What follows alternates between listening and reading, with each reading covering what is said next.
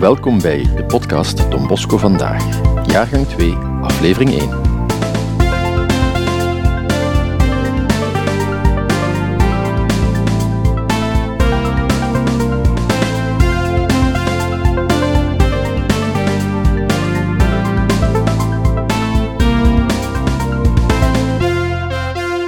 Tweede jaargang, niet min. We zijn blij jullie terug te verwelkomen en hopelijk ook een aantal nieuwe luisteraars. Voor zij die ons al kennen, er zullen een aantal aanpassingen in deze podcast eh, te merken zijn, die we doorgevoerd hebben dankzij jullie feedback om het geheel nog wat beter te maken. Dat is toch althans de bedoeling. Maar wees gerust, het zal nog steeds over Salesiaanse thema's gaan. En ook de mensen uit het werkveld blijven een prominente plaats innemen. Zij weten het best hoe er in de realiteit met het thema omgegaan wordt. Een belangrijke eerste wijzing die ik al kan meegeven is eh, de aanwezigheid van Laurens. Ik zit hier niet alleen, we zijn met twee. Welkom Laurens. Dank u Maarten, hallo. Fijn dat je erbij bent. En laten we misschien maar met de deur in huis vallen en direct het eerste thema aanvatten. Uh, aflevering 1, wat is ons thema? Het thema is kwetsbaarheid. Mooi, maar wel heel breed. Kan je dat wat aflijnen, kwetsbaarheid? Waarover wilden we het net gaan hebben?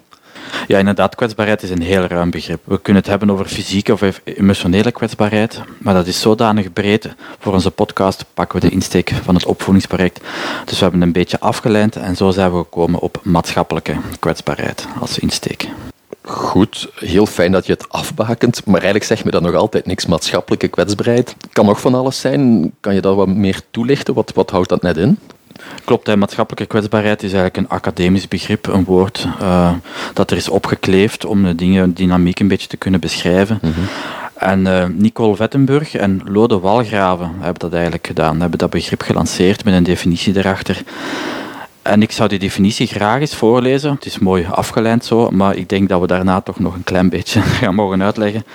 Ga uw gang.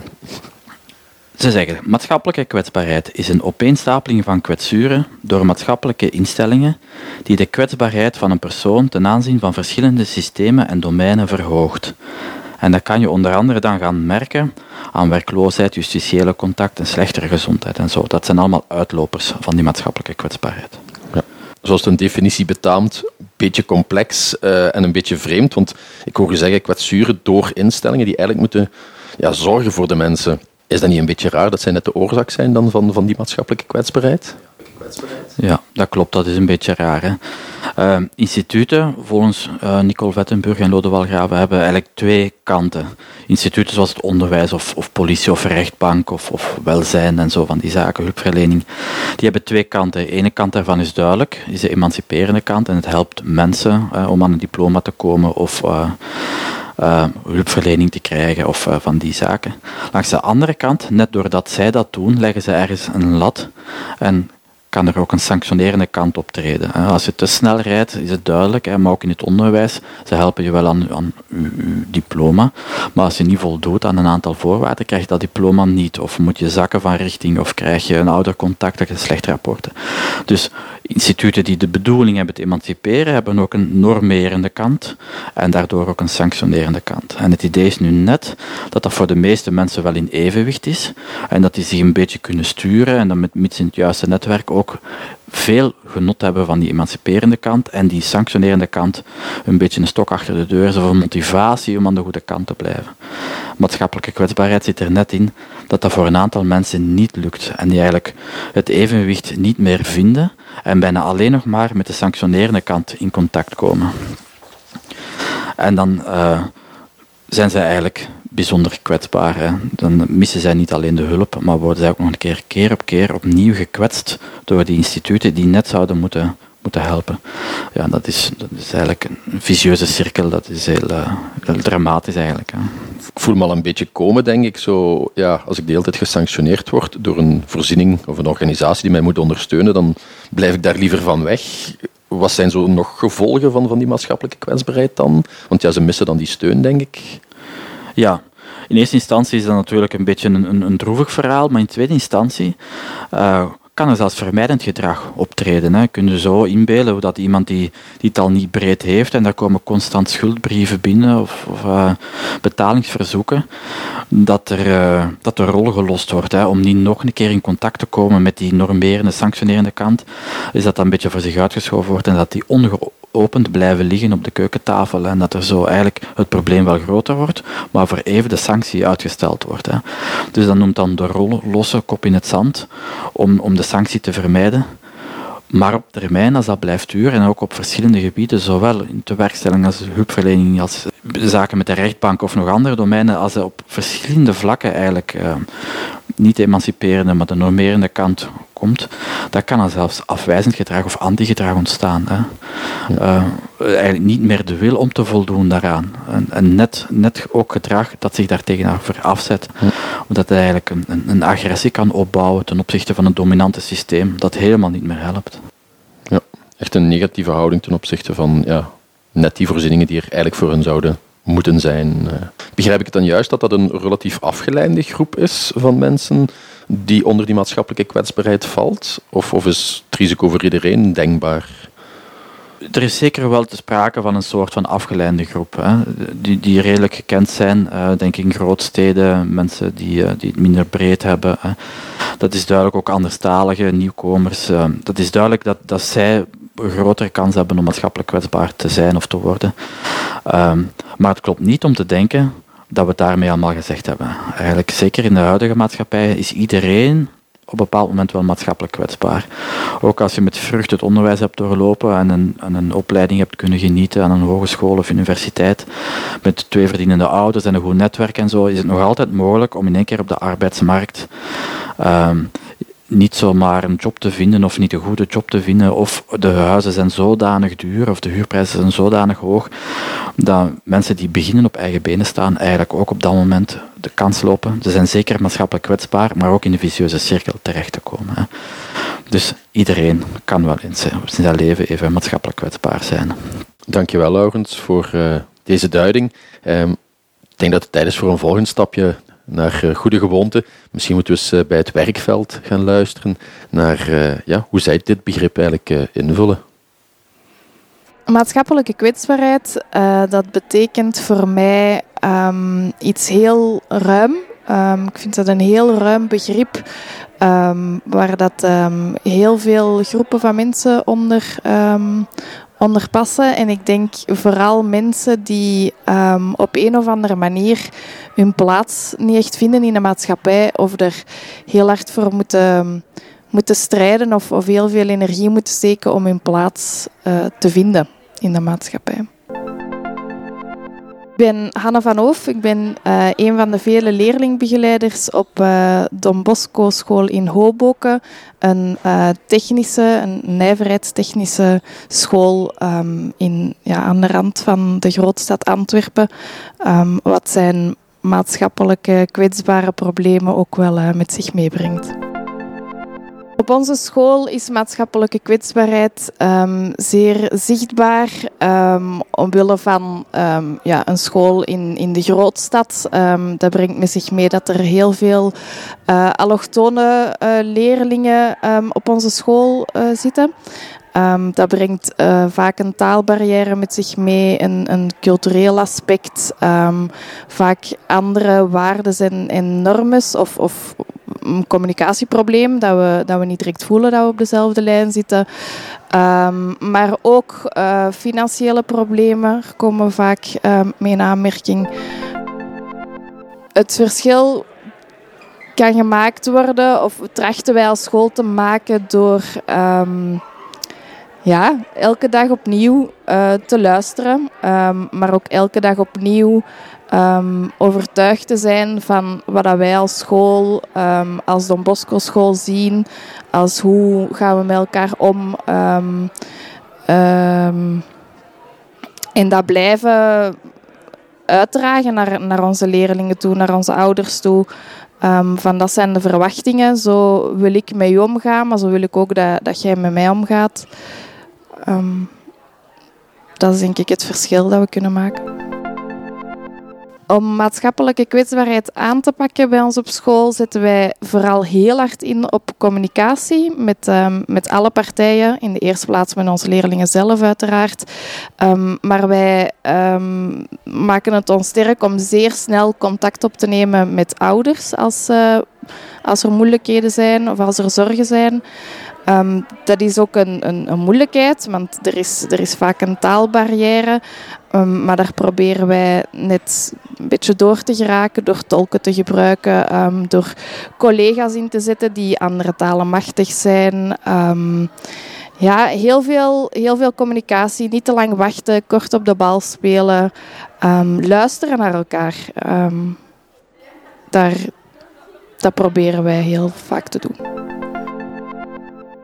Ik denk zeker dat maatschappelijke kwetsbaarheid uh, zichzelf in stand kan houden. Ik denk dat um, die communicatie waar ik al over sprak, um, dat dat van alle kanten moet blijven komen, dat iedereen daar energie in moet blijven steken um, om gewoon elkaar moeite te doen om elkaar te blijven begrijpen, om te begrijpen waar dat je en hoe dat je kunt helpen. Um, want soms hebben wij wel een idee van hoe dat we denken dat het beter moet, maar dat idee komt niet overeen um, met, met, met, onze ouders hun idee, met onze jongeren hun idee. Um, met het algemene idee van wat houdt de maatschappij in, hoe, hoe ziet de maatschappij er voor u uit, hoe wilt je dat de maatschappij eruit ziet, hoe wilt je plaats daarin krijgen. dus ik, ja, ik blijf bij die communicatie hangen, dat belangrijk is. Fijn om te horen wat uh, Hanna allemaal vertelt vanuit het werkveld. Dus een andere blik uh, dan, dan het theoretische. Wat mij bijblijft, is zo die termen luisteren en communicatie. Zo, hè, toch wel twee duidelijke kernbegrippen, heel belangrijk in, dat omgaan. Blijven die verbinding eigenlijk ook opzoeken. Dat relationele, zoals bij Don Bosco belangrijk was, komt toch wel, uh, wel heel sterk naar voren in dat verhaal. Ja, inderdaad, dat is fijn om te horen. Nu ben ik ook wel benieuwd hoe dat de jongeren dat allemaal beleven. En hoe dat zij kijken naar kwetsbaarheid als ik mij kwetsbaar opstel tegenover andere mensen, dan geef ik hun de mogelijkheid om mijn emoties uh, te veranderen of uh, ja, te beïnvloeden. Ik zie maatschappelijke kwetsbaarheid vooral in als jij jou, zou ik dat zeggen, uh, buitengesloten voelt van de rest. Dus op gegeven momenten voel je echt wel aan dat van ik, zie, ik voel me hier niet meer thuis, ik voel me hier niet meer, ik voel me hier niet meer bij. En dan wil je dat ook laten zien aan de anderen. Van, ik voel me hier niet meer bij, dus dat je kwetsbaar bent. Uh, ik zit in een bevoorrechte positie, ja. Voelen... Allez, ik zit er gewoon in. Ik ben met mijn gat in de boter gevallen. Um, in dit land toch. Uh, gewoon echt ja, zo steun zoeken bij andere mensen. Gewoon ervoor zorgen dat je er niet alleen voor staat. Heb je liever mensen die dan rondom jou staan en jou kunnen helpen op een gegeven moment als je dan helemaal vast zit, dan helemaal alleen ervoor gaan en dan ja, diep in een probleem komen uiteindelijk. Voor mij hangt dat er heel erg vanaf um, tegenover wie. Uh, bij vrienden, bij mijn ouders, bij familie, dan is dat helemaal anders dan als ik bijvoorbeeld met uh, een leerkracht mij kwetsbaar opstel. Um, bijvoorbeeld bij een leerkracht kan dat heel oncomfortabel voelen. Of, alleen hangt ervan natuurlijk welke leerkracht. Maar bij mensen die je niet zo kent, voelt dat heel oncomfortabel. Maar bij mensen die je vertrouwt, daar is dat juist heel comfortabel. Omdat ja, je weet dat die, als je dan kwetsbaar opstelt, dat die daar wel gewoon zorg voor draait. Dat die u niet kwetsen als je dan toch open staat. Weet je Maarten, wat mij opvalt als we zo luisteren naar deze getuigenis van deze jongeren uit Hoboken, is dat zij toch nog een aantal andere aspecten aan het licht brengen in vergelijking met volwassenen als het gaat over kwetsbaarheid. Zij spreken veel meer over het sociale, het relationele, over wie je kan vertrouwen en zo. Uh, dat lijkt me toch wel een verrijking van het concept. Hè? Zeker en vast. Uh, en over verrijking gesproken de luisteraars zullen het wel weten, maar dat is er nog één aspect dat we niet aangeraakt hebben. Uh, onze Don Bosco. Hè. En misschien is dat wel eens boeiend om te gaan luisteren naar ja, hoe, legt, of hoe pakt Don Bosco dat aan en hoe leggen we de link tussen maatschappelijke kwetsbaarheid in zijn tijd en, en ja, onze aanpak, onze situatie vandaag de dag. Ja, de historische situatie is helemaal anders. Hè. Don Bosco leefde in de 19e eeuw, zijn werk begon in de 19e eeuw. We horen trouwens Dieter Verpoest, Salesiaan en Don Bosco-kenner. We zitten volop in die industriële revolutie, waarbij mensen van het platteland naar de stad gaan, ook jongeren, omdat ze daar dan hopen werk te vinden waar ze kunnen, eh, waarmee ze geld kunnen verdienen. Veel wezen ook, die, ehm, die daar terechtkomen, die daar in de stad rondlopen. En die natuurlijk, het spreekt voor zich, ja, maatschappelijk kwetsbaar zijn. Hè, die de weg niet weten in een grote stad, hè, waar ze ook voelen van ja, wij zijn hier eigenlijk ja, wat zijn wij hier nog waard in, in die maatschappij? En in die zin is de historische context wel anders. Um, anderzijds denk ik dat, dat er ook vandaag een grote maatschappelijke kwetsbaarheid is bij jongeren, omdat inderdaad er ook nog veel jongeren zijn die gezien de omstandigheden waarin ze leven, waarin ze opgroeien, die wel in een kwetsbare situatie opgroeien. Dus in die zin denk ik wel dat, dat het publiek gelijkaardig is, maar dat toch de historische context wel helemaal anders is. De kwetsbaarheid, de maatschappelijke kwetsbaarheid in de tijd van Don Bosco situeren zich op een aantal, op een aantal vlakken. Een eerste is uh, jongeren die het platteland of die hun thuis verlaten hebben om in de grootstad te gaan werken, om daar uh, werk te vinden, maar daar niet onmiddellijk onderdak hadden. Um, dat is een eerste. Hè. Ja, bij gevolg ook um, slechte arbeidsomstandigheden. Hè. Um, Jongeren die dan ofwel niet of onderbetaald werden. Um, jongeren die ook niet mondig genoeg waren om goede contracten te onderhandelen met hun werkgevers. Iets waar Don Bosco later vanuit het, het oratorio zich wel voor heeft ingezet. En, en samen met jongeren naar de, naar de patroons is geweest, naar de, naar de werkgevers, om ja, goede arbeidsomstandigheden te onderhandelen. Het is duidelijk dat in een, in een waar jongeren samenkomen of waar jongeren zijn, um, die maatschappelijk kwetsbare jongeren zijn, dat, daar ook wel, dat die ook voor een, een, een zekere overlast zorgde voor de mensen van de stad. Dat gaat over criminaliteit, hè, over wat, wat dingen stelen, hè, over geluidsoverlast, bendevorming en zo verder, wat wel bedreigend overkwam. Het beleid in die tijd was repressief. Dus dat wil zeggen dat die jongeren daarop aangepakt werden, dat ze door de politie meegebracht, meegenomen werden en dat ze in de gevangenis terechtkwamen. De gevangenissen zaten zeker jeugdgevangenissen zaten eigenlijk ja, vol. Don Bosco heeft daar anders op gereageerd. Don Bosco is in plaats van een repressief beleid heeft Don Bosco gekozen voor een preventief beleid. Of een preventieve manier om uh, met jongeren om te gaan. En die preventie bestaat volgens mij in de eerste plaats door, door assistentie. Dat is iets typisch uh, wat wij van Don Bosco geleerd hebben. Er zijn, erbij zijn, bij de jongeren zijn, met hen op weg gaan, ook zien wat de noden zijn. Het is pas door bij jongeren te zijn, om samen met hen die weg op te gaan, dat zij vertrouwen krijgen in, in u als opvoeder, als begeleider, en waardoor je ook een inzicht krijgt in die maatschappelijke kwetsbaarheid. En dat je daardoor ook um, op een bepaalde manier een betekenisvolle volwassene kan zijn voor jongeren. Ik denk dat dat iets is wat Don Bosco ons heeft, heeft nagelaten. Hè, dat, dat hij vraagt en ja, verwacht ergens, hè, of hoopt, dat, uh, dat naast jongeren ook betekenisvolle volwassenen staan. En sommige jongeren vinden die betekenisvolle volwassenen niet thuis hè, en vinden die wel in een voorziening, in een school of daar waar ze bij Don Bosco terecht kunnen. En ik hoop dat uh, dat, dat iets is wat, wat wij zeker nog meedragen. Als ik kijk naar mijn ervaring in, uh, in het onderwijs, dan is het, moeilijker, is het moeilijk om echt te weten waar die maatschappelijke kwetsbaarheid zit. Uh, ik denk in de tijd van Don Bosco als jongeren geen onderdak hebben, als jongeren geen eten hebben, zeker de straatjongeren waarvoor Don Bosco zich in eerste instantie inzette, dat is iets duidelijk, dat is iets tastbaar.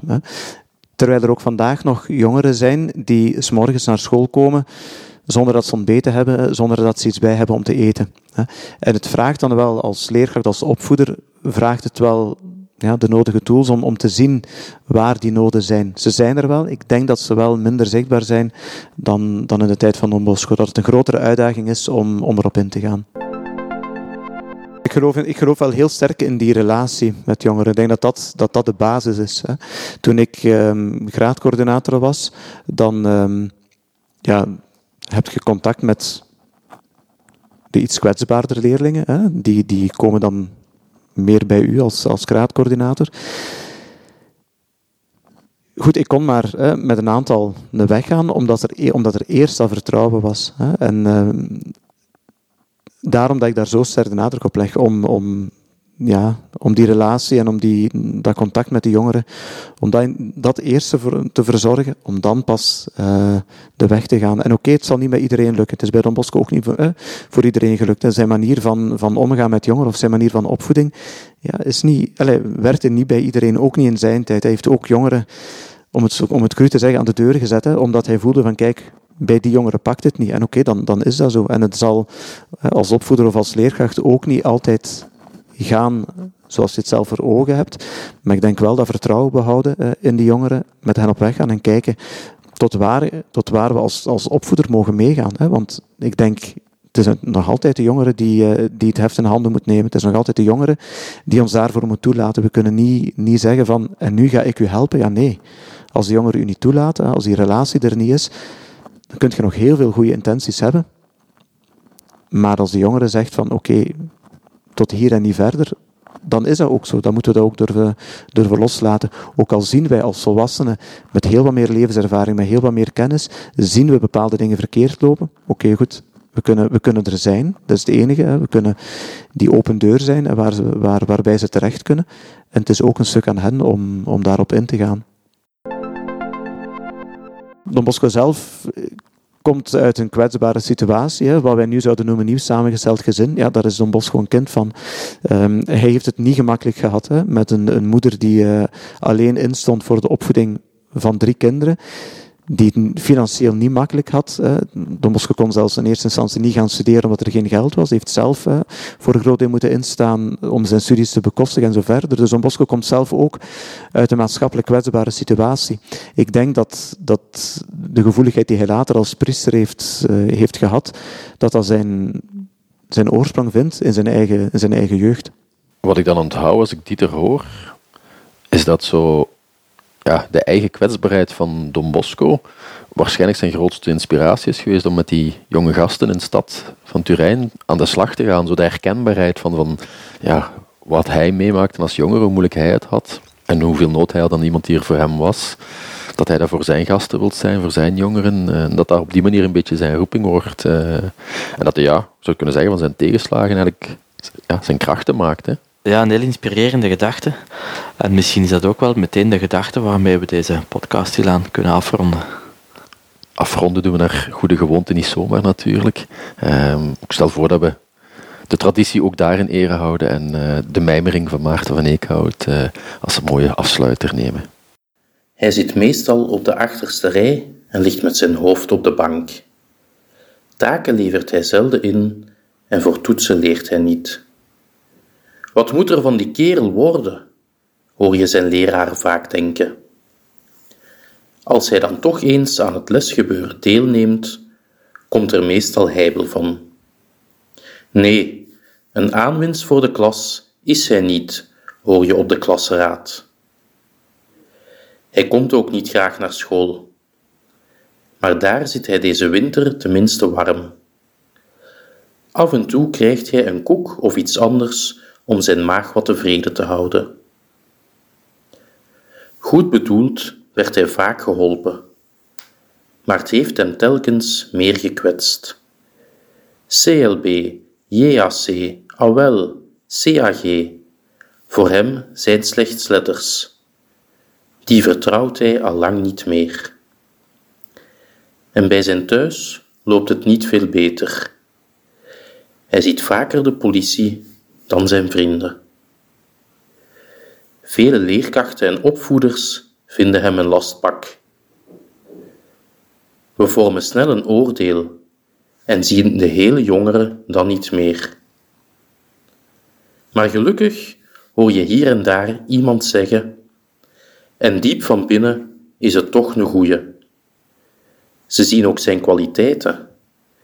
Hij is goed in praktijk en met computer en je kan er wel fijn mee praten. Deze mensen zien de kwetsbaarheid, bieden kansen en geven hoop. En zo zijn we aan het einde gekomen van deze eerste aflevering van de tweede jaargang van onze podcast Don Bosco Vandaag. Bedankt voor het luisteren en als je het goed vond, vertel het zeker voort en graag tot de volgende keer.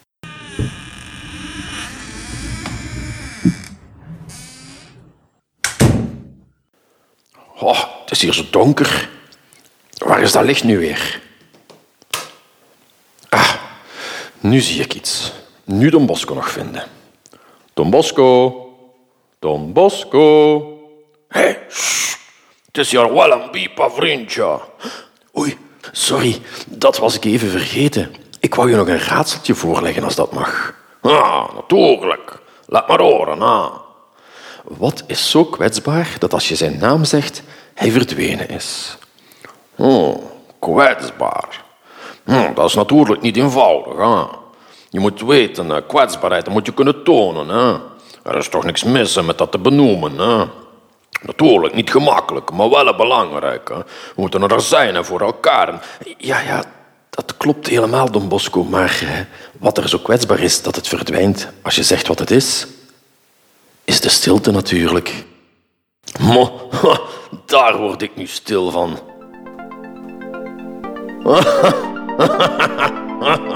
Gij kleine skaruit.